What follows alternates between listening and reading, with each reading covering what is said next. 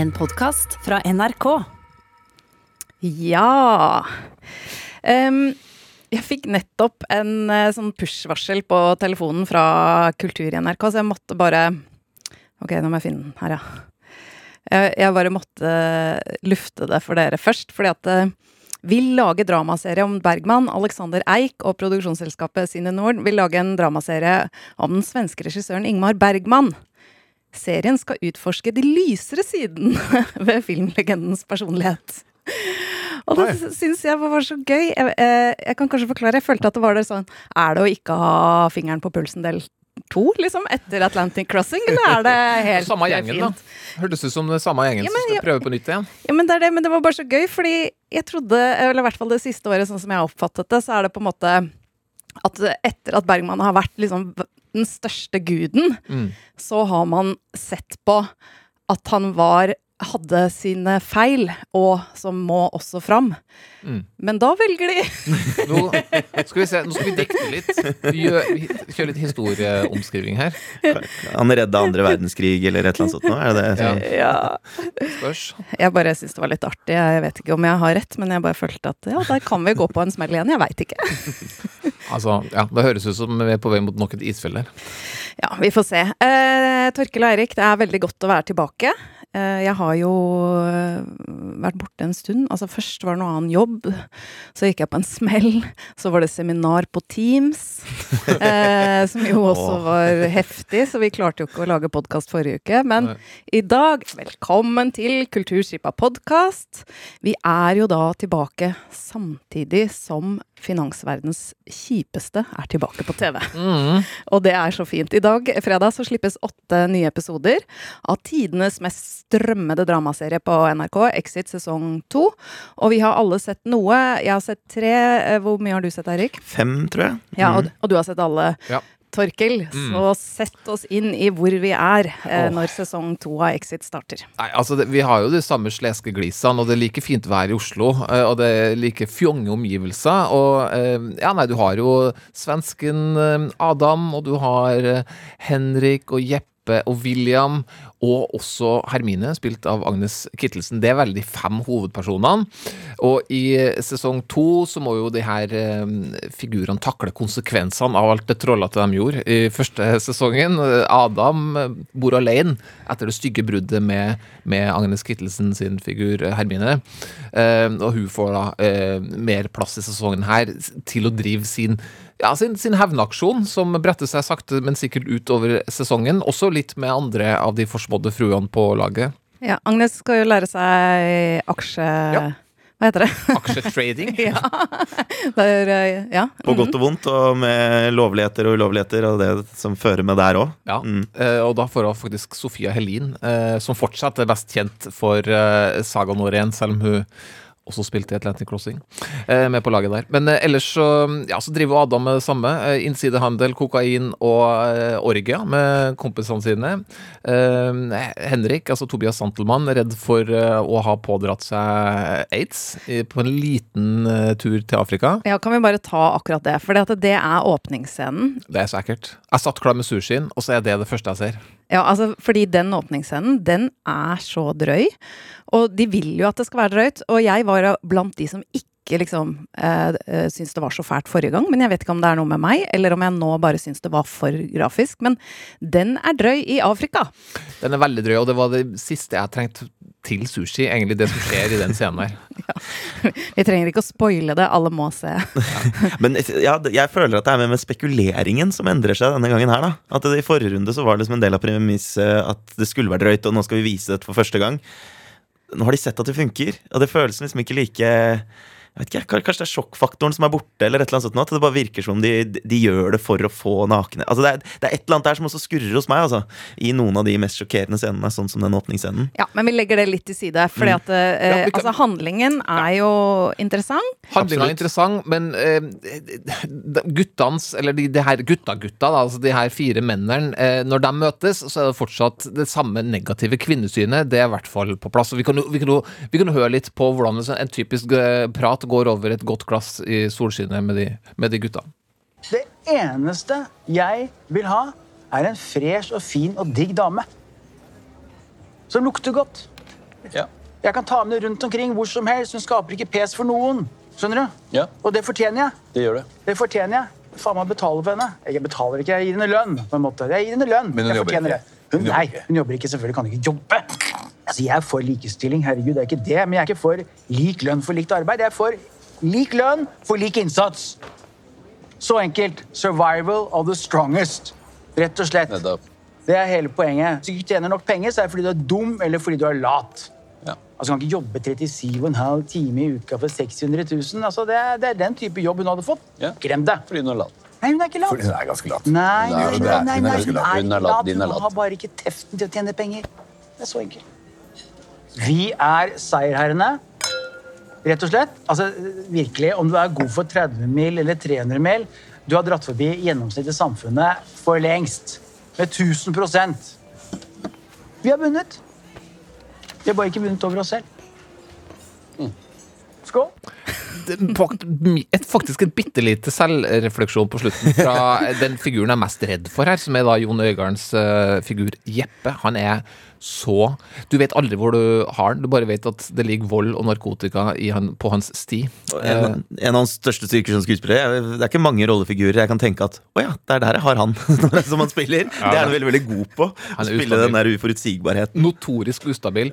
Og så har du da William, som kanskje er min favoritt, spilt av Pål Sverre Hagen, som skjøt seg eh, gjennom munnen i forrige sesong. Tilbake nå etter mye terapi og rehabilitering. Kommer tilbake eh, til en forventningsfull Celine, spilt av Vinne Marie Wilman, eh, men må raskt skuffe hun med at hun skal flytte ut, og han skal ha barna.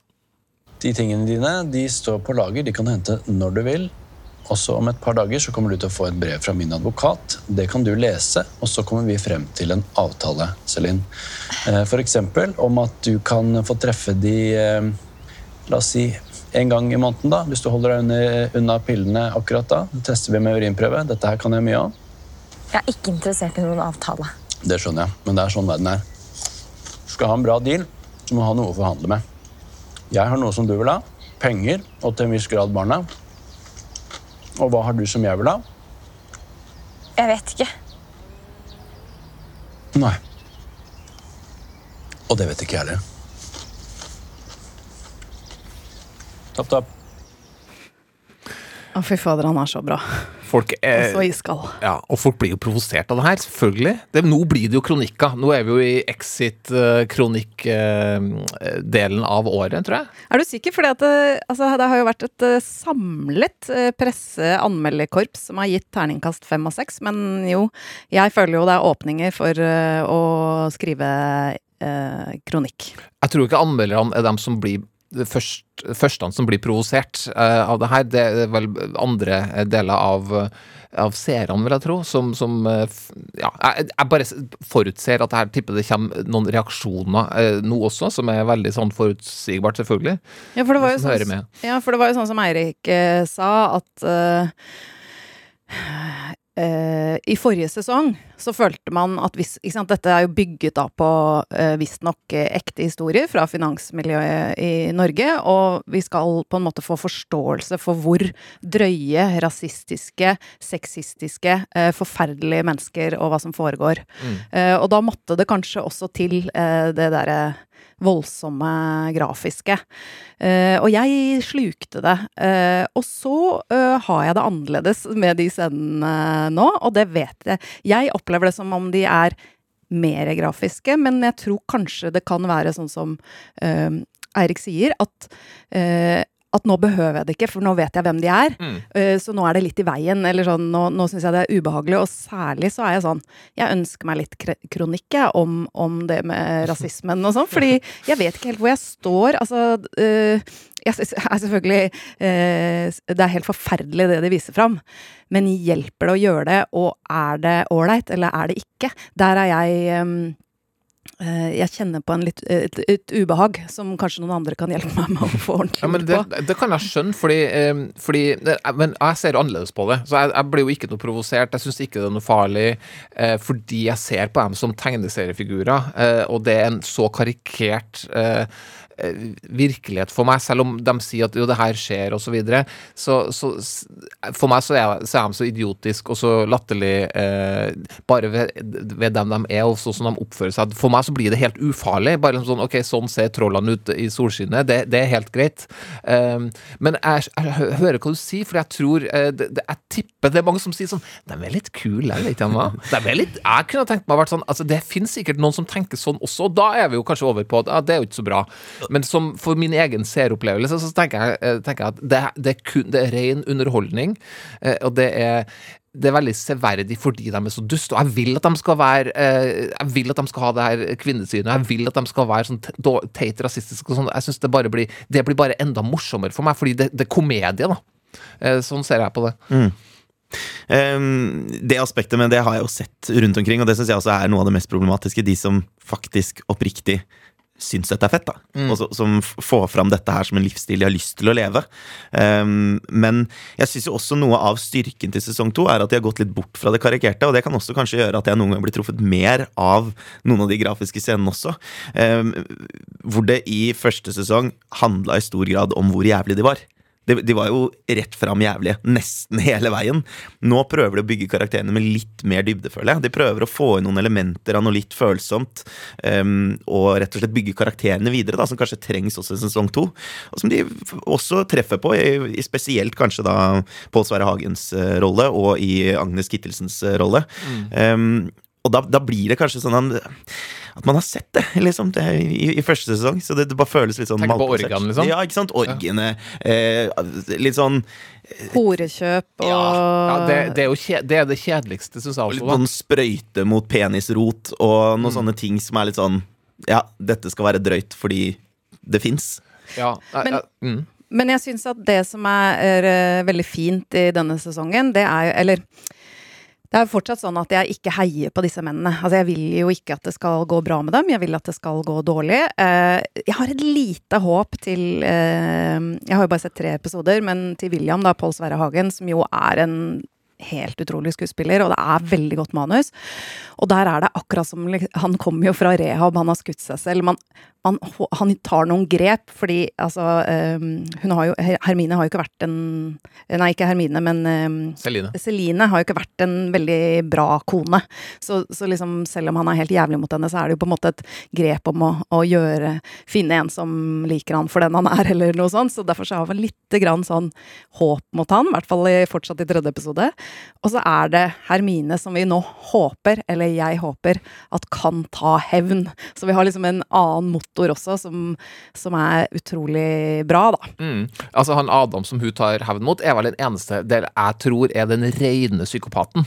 Altså De andre har jo sosiopatiske trekk osv., eh, men han har jo, eh, ikke som jeg ser det, ikke et eneste på en måte sånn eh, han har, Det som du skriver, at de har skrevet inn med at alle skal ha et, no, noe godt de kjemper for, sånn som Jeppe, sånn, Jon Øigarden holder på med foreldrene sine, at de skal forenes og sånn, og du, Pål Sverre er du inne på, Pål Sverre Hagen osv., og, så og Henrik har også noe greier gående eh, som, som er av litt mer sånn sympatisk karakter. Adam fins ingenting. Han, har, han, han er ren psykopat. Hva er det sånn som er eh, sympatisk med Henrik akkurat? Eh, jeg er bare på tredje episode, men bare Nei, det, det, kommer litt, det, det kommer litt utover. Ok, ok. Ja, han sier at han er lei av livet og sånn, og det er jo, det er jo noe med Eller han sier at liksom, ja, hvis jeg ikke bryr meg om familien min, ikke har noe jeg bryr meg om i livet Så der kjente jeg jo at ok, han er jo liksom en, en desillusjonert, helt eh, mann som er helt ute å kjøre, og som på en måte skjønner det litt selv. Ja. Så det, kanskje det var det. Han har både runda hedonismen, eh, og, og liksom, hva er etter det? Nei, kanskje mer hedonisme, vi får se. Eh, men eh, det, er jo, det er jo noen ting som Jeg, jeg syns jo serien også generelt er veldig god. Jeg liker jo best de scenene som, som vi spilte av i sted, hvor de bare er drittsekker. Det syns jeg fortsatt er det artigste. Selv om vi, det så vi også i sesong én. Synes jeg, der syns jeg manus De improviserer sikkert noe fram. Det, der der syns jeg serien er på sitt beste. Da. Og også på veldig fine Oslo-locations. Det er artig å se byen som, som jeg har bodd i mange år, fra nye steder. Jeg har ikke vært så mye på Nesøya. Eh, Jeg har ikke vært på sånne maskeradeball som jeg tror Petter Stordalen sannsynligvis arrangerer, hvor liksom Madcon står i et hjørne og, og halvslapp innlevelse, sikkert fått 300 000 for å stå der og, sy og mime til Beggin. Det syns jeg er litt artig å se, med veldig de fine kostymer fra Kjell Nordstrøm osv. Da, da syns jeg serien virkelig er glossy og fin.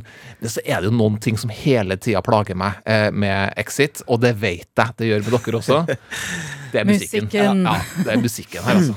Og jeg får liksom litt dårlig samvittighet, for dette, det, det er faktisk eh, mye bra låter. Det er veldig Det er liksom Ja, dette er veldig bra låter, men de er helt overskyggende i handlingen, og de tar fokus, og de overforklarer.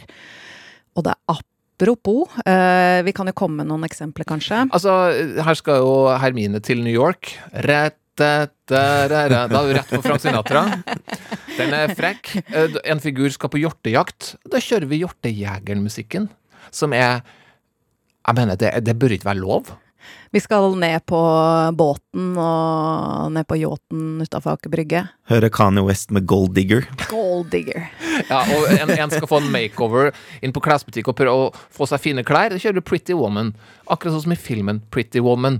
Og Fix You og Mr. Blue Sky med Electric Light Orchestra. At Last med Etta James er der. Cat People til og med, med, med David Bowie. Motorhead, Ace of Spades. Ja, det er en sånn helt utrolig hjerteskjærende scene med Agnes Kittelsen. Jeg skal ikke fortelle hva som skjer, men den er ganske lang, og det er liksom Ja, det er veldig, veldig bra. Men så kjører de på.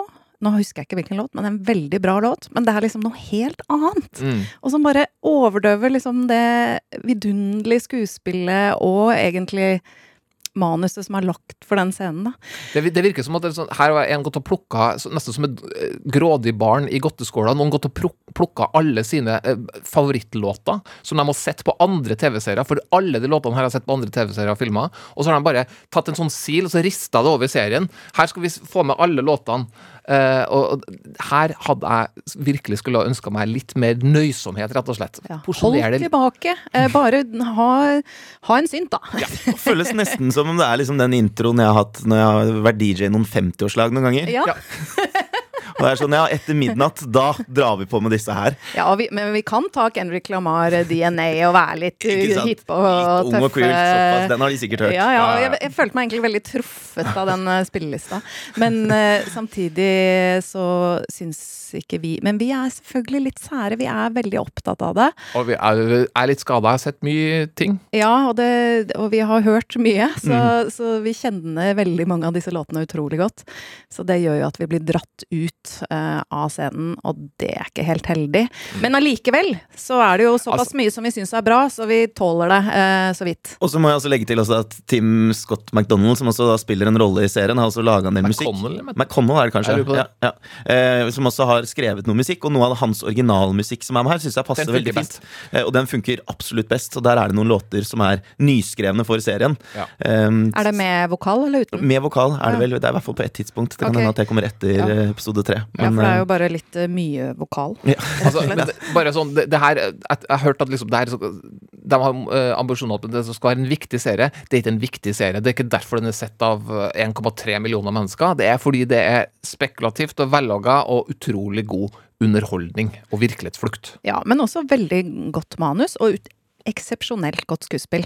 Og jeg syns det er ekstra gøy denne sesongen, selv om jeg da har eh, Vi har innsigelser, men jeg syns det er veldig fint å se eh, damene få litt eh, plass. Og det er noen fine scener mellom Ja. Magnus Kittelsen og eh, Ine Marie Wilman, for eksempel. Hun kommer på mandag, og jeg syns hun har en av de aller morsomste Si eh, hvor hun kommer. replikkene. Hun kommer i Kulturstripa på radio på Ja, mandag. ja. Eh, klokka to. Skru på da. Eh, og eh, hun har jo en av de morsomste replikkene i, i sesong to, syns jeg. Når hun, ja, William skal ha til å flytte ut, og hva er hun redd for? da? Altså, Blant annet det å ikke ha penger. Vi kunne høre hva hun sier sjøl. Jeg har ikke noen penger heller, så de barna mine kommer til å gå rundt som sånne kubusbarn. Barnet sitt går ut som kubusbarn. Sier hun ikke en morsom ting til? Fordi hun sier 'jeg som er tobarnsmor'. Ja. Oh, ja, nei, jeg har jo tre der, jeg glemmer den minste. Ja, ja, ja, det, sier William hele tida. Jeg glemmer at siste. Det er veldig, veldig fint. Ja, eh, vi skal da Vi anbefaler jo da Exit sesong to på NRK. Vi håper noen kan skrive fornuftige kronikker som får meg til å skjønne det der i forhold til vondt i magen, om det er eh, farlig eller ikke så farlig. Send oss en mail hvis du har noen eh, spørsmål eh, eller kommentarer sjøl. Fordi det er jo litt interessant å høre hva dere tenker, dere som hører på, eh, Ja. om, om Exit. Og så håper vi ikke har ødelagt opplevelsen når det gjelder musikken, da, for når man begynner å tenke på, så er det jo helt krise. Men eh, skriv til kulturstripa krøllalfa nrk. .no. Og jeg ville forresten si at uh, denne uka så er det jo vært uh, Human-festivalen, Uh, dokumentarfestivalen. Og den er sånn at man fortsatt kan gå inn på nett og, og se eh, alle de helt utrolig bra dokumentarene der, blant annet den derre shortlista Er det Gundan heter, den eh, om grisen? Mm. Uh, og uh, ja, vi har jo hatt uh, Jeannie i Kulturskipa som har anbefalt Det var på tirsdag, hvor hun anbefalte tre veldig gode dokumentarer. Så da kan man gå inn på Kulturskipa i radioappen og, og høre de anbefalingene.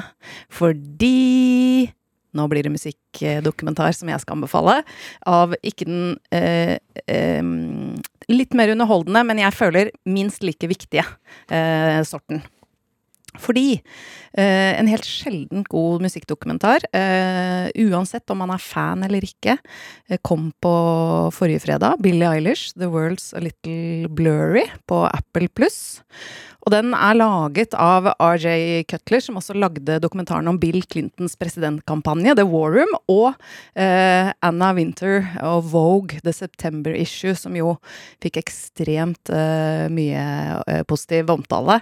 Og det er jo litt gøy at han har valgt, da, etter liksom Clinton og, og Vogue, så velger han seg Billie Eilish, og starter tidlig. Han har fulgt Billie Eilish eh, i flere år.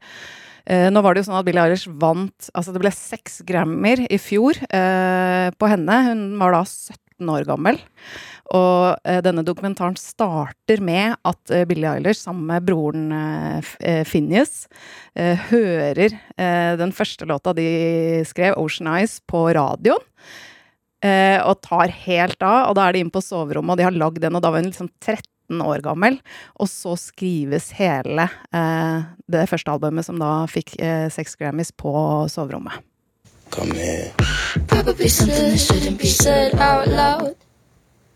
Honestly, I thought that I would be dead by now. Probably something that shouldn't be. I wanna end me. That's dope. What do you want from me? Why don't you run from me? What are you wondering? What do you know? Why aren't you scared of me? Why do you care for me? When we all fall asleep, where do we go? That's cool, right? Genius. Genius!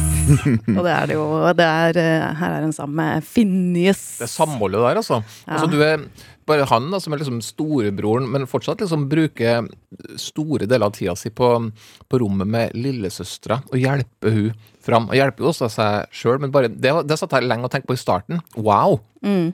Kult. Så Ja. bra samhold i familien der. Ja, men altså, alt foregår jo Hun bor jo da hjemme i dette veldig rotete huset i Los Angeles. Egentlig veldig sånn typisk hus eh, Jeg husker naboene mine i San Diego. Det, altså, det er akkurat sånn, og vi hadde også liksom vaskemaskin ute i hagen, og det er veldig sånn, litt sånn hippiestrøk. strøk.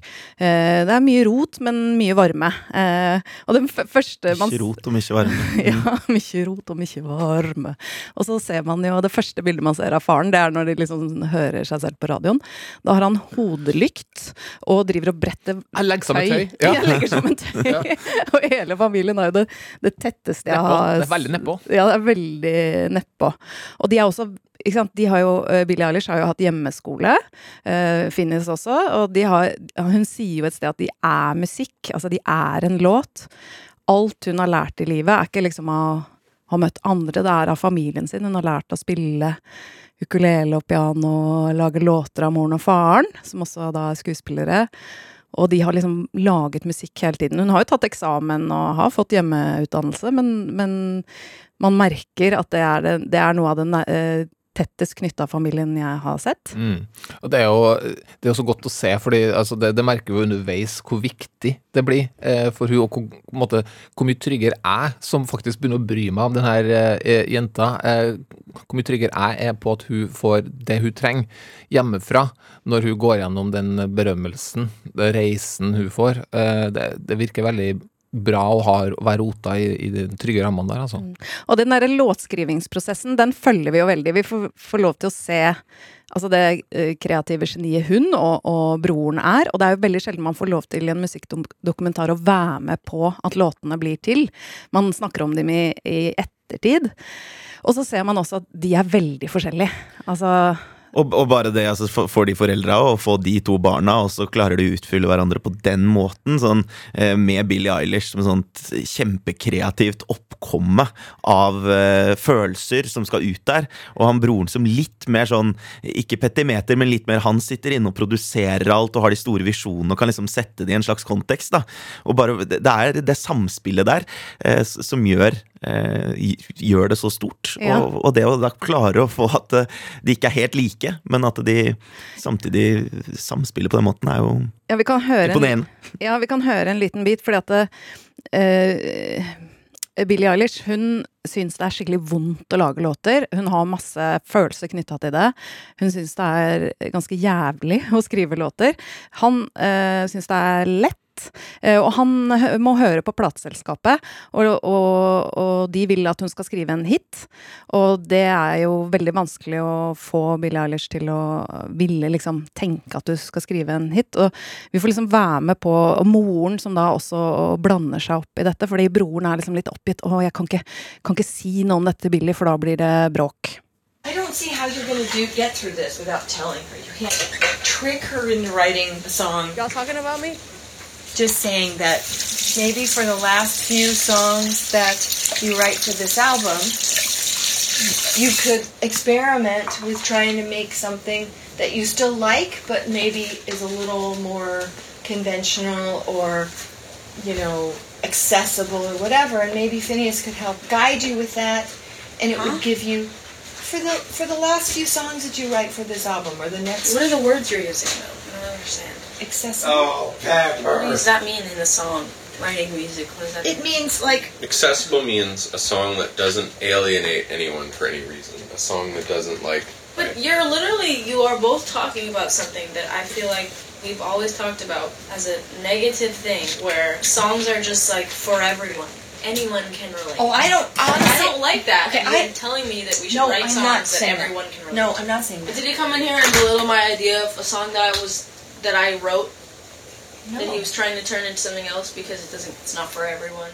Og det er litt hjerteskjærende, fordi man ser allerede der at hun blir trukket da i litt andre retninger, også av sin egen familie. Og det er jo sånn at Billie Eilish, hun har jo eh, Er det 70 millioner eh, fans, eller følgere, på Over 70, Instagram? mm. Over 70. Det er så utrolig mye, og hun sier jo på en måte at fansen Hun ser jo ikke på dem som fans, hun ser dem eh, som en del av seg. Mm. Men å klare å ikke eh, gjøre noe feil i forhold til dem Ja, hun har jo så mye integritet, så hun tenker jo hele tida på at hun sjøl på en måte hun, Jeg tror hun hele tida ser på seg sjøl som en av dem, og at hva ville hun eh, som en av dem har reagert på at hun gjorde. Så hun, og det tror jeg er veldig viktig for henne, å aldri gå på akkord med, med det hun mener hun bør og føler at hun er. da. Eh, og det, det er jo veldig beundringsverdig for en så ung artist eh, å ha det. Eh, men som du sier, og det som det klippet her egentlig på en fin måte viser, er jo at det er jo kjempevanskelig å, å holde på det. Og det, når hun får en liten dårlig kommentar for et eller annet, så rir det hun som en mare. Og så virker det også som altså, Mye av hennes suksess baserer seg også på at hun er en internett, eh, et internettbarn. eh, Et som forstår mekanismene til internett. Hun har vokst opp med det. Hun har bygd seg følgere eh, kun på én låt. En enorm interesse rundt hennes persona som hun fronter ut på internett. Og da kjenner hun også de mekanismene så ekstremt godt. Så hun vet når det kommer til å komme reaksjoner. Hun er hele tiden redd for det, fordi hun er så bevisst til hva hun putter ut der. eh, Og har vært det sikkert fra hun var 11-12 år gammel, da, som sikkert mange fra den generasjonen nå er. Mm. Og det, det bare merker du at kanskje hun på en eller annen måte forstår mer enn foreldrene også. Hun vet hvordan de reaksjonene vil gå inn på henne, og hun vet at de kommer. Eh, Og det er det vanskelig, føler jeg også, at gå igjennom flere steder i serien, at eh, foreldrene kan forstå helt, da. Ja, og så er det jo det at hun, hun er jo på en måte eh, trist og åpen om tunge tanker i tekstene, og det får hun eh, noe kritikk for, og moren sier sånn 'Hvorfor må du, må du skrive om å hoppe fra taket?' Og så svarer Billie Eilish å lage eh, musikken er det eneste som hindrer meg fra å gjøre det. Det Ja, er, det er veldig uh, rått. det er noen sånne øyeblikk som er bare Ja. Og så er det eh, hele tida den, den her, det er en knakende god dokumentarfilm på alle mulige måter, men det som hele tatt i tillegg betyr noe for meg, er at det her er kanskje verdens viktigste artist også. Altså Vi er helt inn på rommet og, og til mora, faren og broren til verdens viktigste artist, og hun deler så mye av seg sjøl om problemer i, i kjæresteforholdet hennes og tanker, og som du beskriver, liksom, det som er på grensa til selvmordstanker, og hun viser fram dagboka si, og hele tida Det er verdens viktigste artist i dag, og har vært det kanskje i flere år. Jeg hørte en podkast på Conan O'Brien hvor Dave Grohl, altså gamle Nirvana-trommisen, forteller Han ser så mange likheter mellom det Nirvana var i 1990, hvor viktig de ble, helt uforvarende for han, eh, en, for en hel ungdomsgenerasjon. Og han ser akkurat de samme trekkene ved Billie Eilish, og gjorde det for flere år siden da han var på konsert med sine døtre. Det er de samme folkene som kommer, og Billie Eilish er så viktig og er så dyktig og betyr akkurat like mye for den nye generasjonen, og setter ord på det de føler og strever med, som det Nirvana gjorde før. Det er hans vitnemål, og det, det får jo stå for hans regning, men jeg syns det, er no, det høres noe av det rime rimer hos meg, da. Ja, men vi er vel enige. Altså, jeg tror jo at Billie Eilish har forandra musikkhistorien, og er virkelig en av de som, om man ikke nødvendigvis er fan selv, så må man liksom ha fått det med seg, litt som Beatles. Liksom. Man må, må vite hvem Billie Eilish er. Og, eh, men så tror jeg at selv om man ikke da liker musikken underveis i denne dokumentaren, så eh, Som jeg ikke kan skjønne Nei, det kan ikke jeg ikke forstå heller, faktisk. For det er, også, det er en så stor styrke også når de låtene kommer inn, så ja. Ja, for får jo faktisk litt plass. Det er også noe Mm. med den dokumentaren. Altså, RJ Cutler han er utrolig flink til å, å både i scener, men også i musikk, sjelden liksom la det få lov til å hvile. Så man får lov til å være i musikken og være i scener, som gjør at det blir mye sterkere og, og mye bedre enn sånn jack, jack, jack, som jo ofte det er i musikkdokumentarer, eh, syns jeg. Og så er det også en menneskelig dokumentar, for det handler jo Vi har snakket om familien og hvem hun er, og hvor nært det er. Og det er veldig mye egen filming også. Det er jo ingen eksperter som snakker om her. Eh, og så er det også det derre familiære.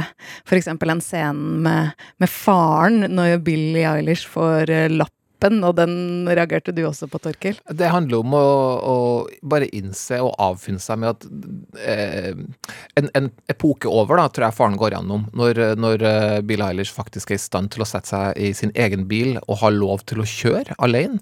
Eh, det, er, det er et stort skritt for hun, men også en, et sånn vannskille for foreldrene, og vi får være med på det. Og det er en veldig fin scene hvor han også reflekterer litt sånn rundt det. Og det er, det, det er faren til Billie Eilish, Ja. men det kunne ha vært meg. Ja, og så det, er, det er så hjerteskjærende, og det er jo sånn eh, på ordentlig i, i LA at, at når hun får lappen, Mm. så forsvinner Altså da kan Hun har ikke kunnet gjøre noe på egen hånd før hun får lappen, og nå kjører hun av gårde.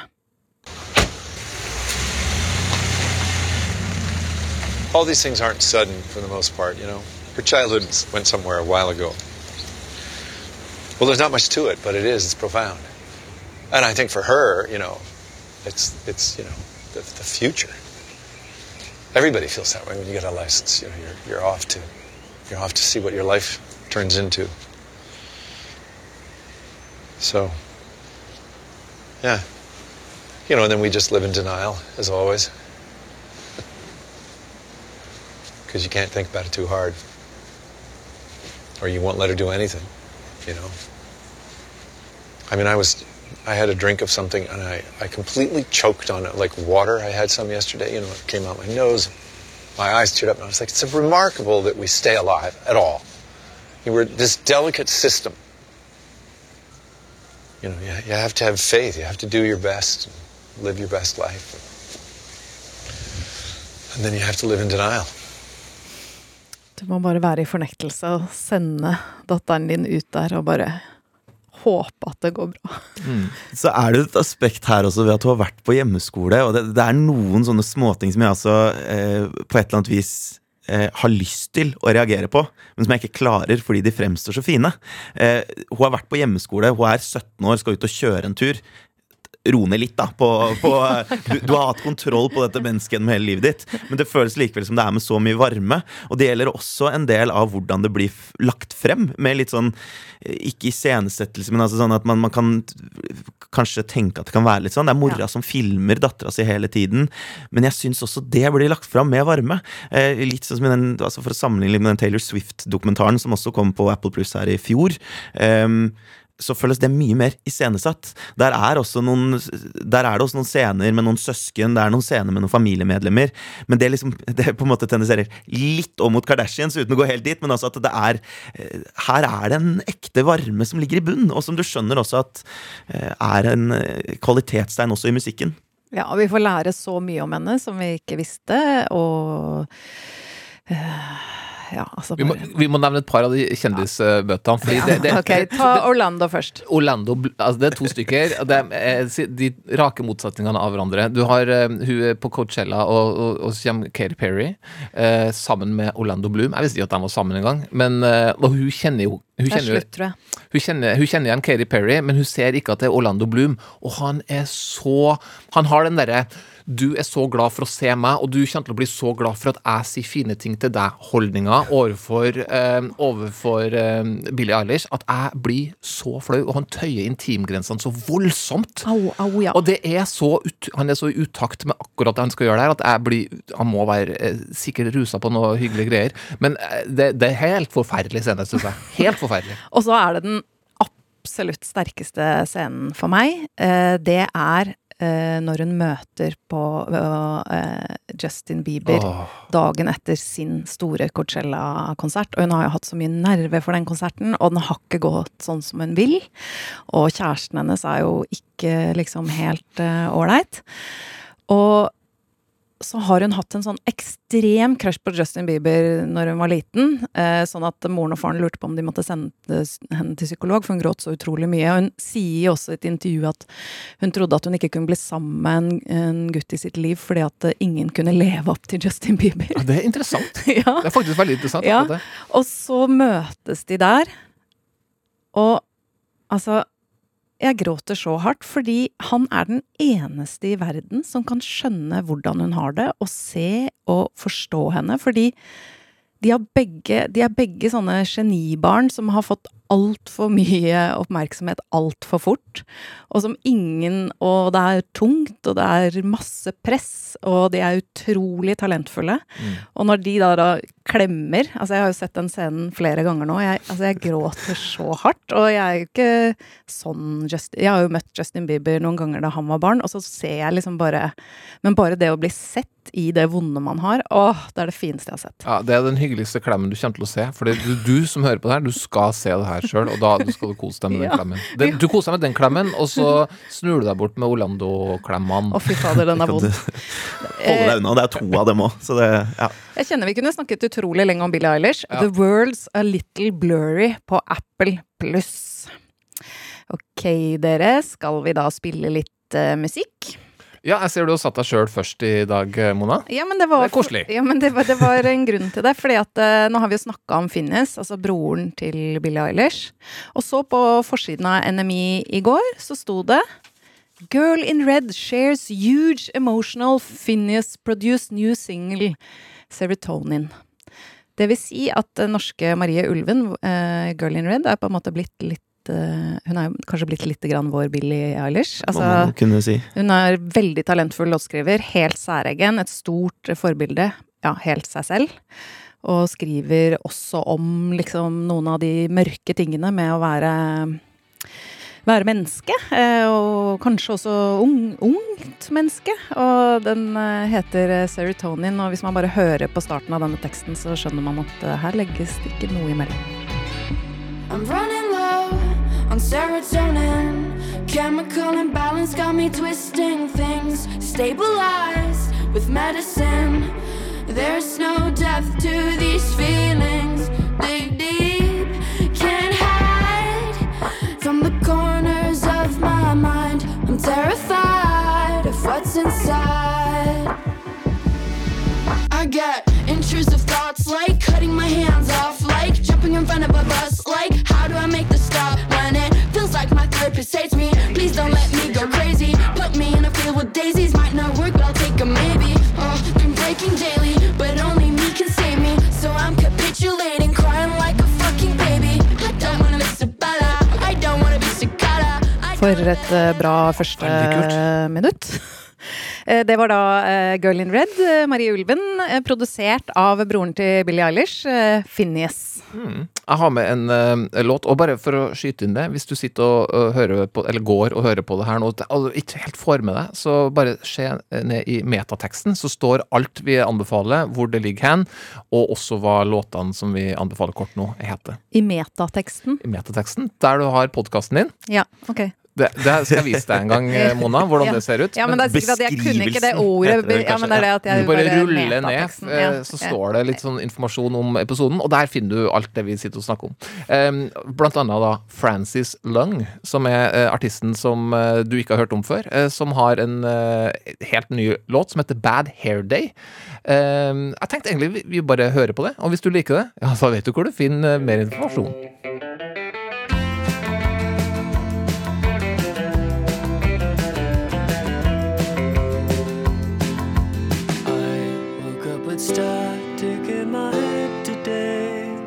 Frequency ring in my ears was all I could hear.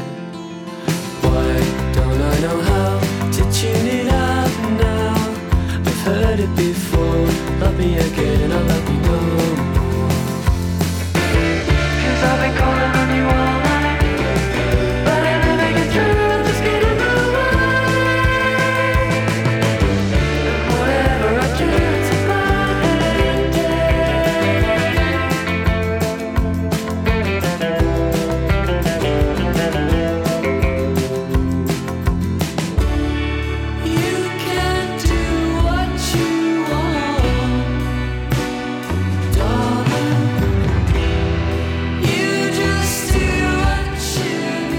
Og det er så gøy, Torkel, fordi at eh, du klarer å finne noe som har litt Beatles i Jeg tenkte akkurat det samme selv. Det var også Ja, ja. min Det var nydelig! Veldig, ja, veldig ja, ja, ja. Jeg syns det er nydelig. Jeg liker sånne låter som har fint driv, fine melodier og litt forskjellige eh, partier. Ja, og selv om jeg kan lese det i metateksten, kan ikke du si hvem det var igjen? Han heter Francis Lung. Han kommer fra Manchester også, så han har med G-en. Lung. Uh, oh. Bad Hair Day. Bad Hair Day. Um, Eirik. Jeg begynte å kalle deg, Jeg hadde lyst inni meg å kalle deg Mats. Jeg vet ikke. Det var veldig jeg fikk lyst til det nå. Kall meg hva dere vil, altså. Det, jeg er ikke så på akkurat det. Eh, Eirik, hva har du med? Jeg har med Laura Moola. Som jeg husker at dukka opp Her må vi rette metateksten, hører jeg. Ja, det, det skrives da M-V-U-L-A. Ehm, det kan hende det ikke er helt riktig uttale heller, men jeg, jeg prøver i hvert fall på den. Også engelsk? Uh, hun er også britisk, uh, helt riktig, og kom fram med debutalbum i 2013, så jeg husker det navnet ligger baki der. At da lå det på noen spillelister uh, til hun skulle spille på Roskilde samme år. Um, med det litt mer sånn nedpå soul-album, veldig sånn organisk produsert. Skilte seg veldig ut. Jeg husker at det var De lå høyt oppe på de spillelistene. Eh, og så har hun ikke spilt noen konsert på tre år. Eh, hun ble visst droppa av Sony, eller slutta å samarbeide med dem, som hun var med tidligere. Og er først nå tilbake. Hadde sin første konsert for tre år siden nå i februar, på en eh, livestream der. Og i dag så slapp hun da en ny låt som har litt av soulen i seg, men som også er en sånn deilig 80-tallspastisje i både det visuelle uttrykket, med en sånn stor, fluffy rosa dress, og også med spesielt trommene, kanskje, i låta Safe Passage.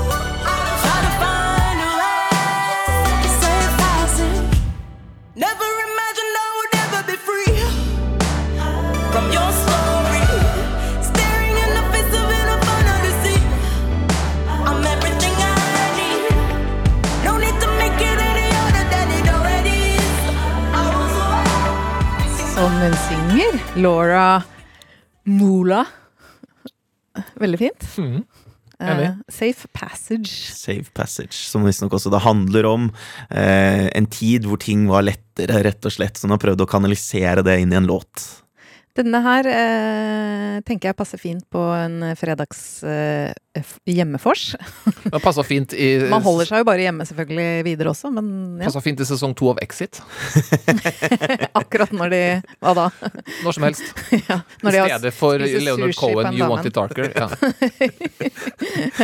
Kjære eh, Kulturskipa podkastlytter, vi er så glad for at du har fulgt med oss helt til slutten i dag. Eh, og ja, vi, vi kan vel fortelle at på, en, eh, på Kulturskipa radio så har vi Kamara live eh, i dag på fredag. Det kan også være ganske fint eh, vors, eller hva jeg skal kalle det. Og det er jo også deilig at du alltid kan finne i nettspilleren, eh, radiospilleren, ved å søke det opp der. Så kan du høre det også på lørdag formiddag, hvis det er da det passer bedre. Ja, men du er klok! Og hvis du eh, setter pris på podkasten, så setter vi pris på at du gir oss eh, fem stjerner eh, der du laster ned podkasten, og så skriver du gjerne en liten hilsen, fordi det blir vi, så, vi blir mer glad for det enn du, enn du kanskje tror. Ja, Eh, men, faktisk. men gjør gjerne det. Ja, det har vært veldig hyggelig. Og skriv gjerne mail til oss også, da. Kulturskipa krøllalfa nrk.no. Ha det! Ha det fint i livet! Ha det fint. Ha det bra. Du har hørt en podkast fra NRK. Hør flere podkaster og din NRK-kanal i appen NRK Radio.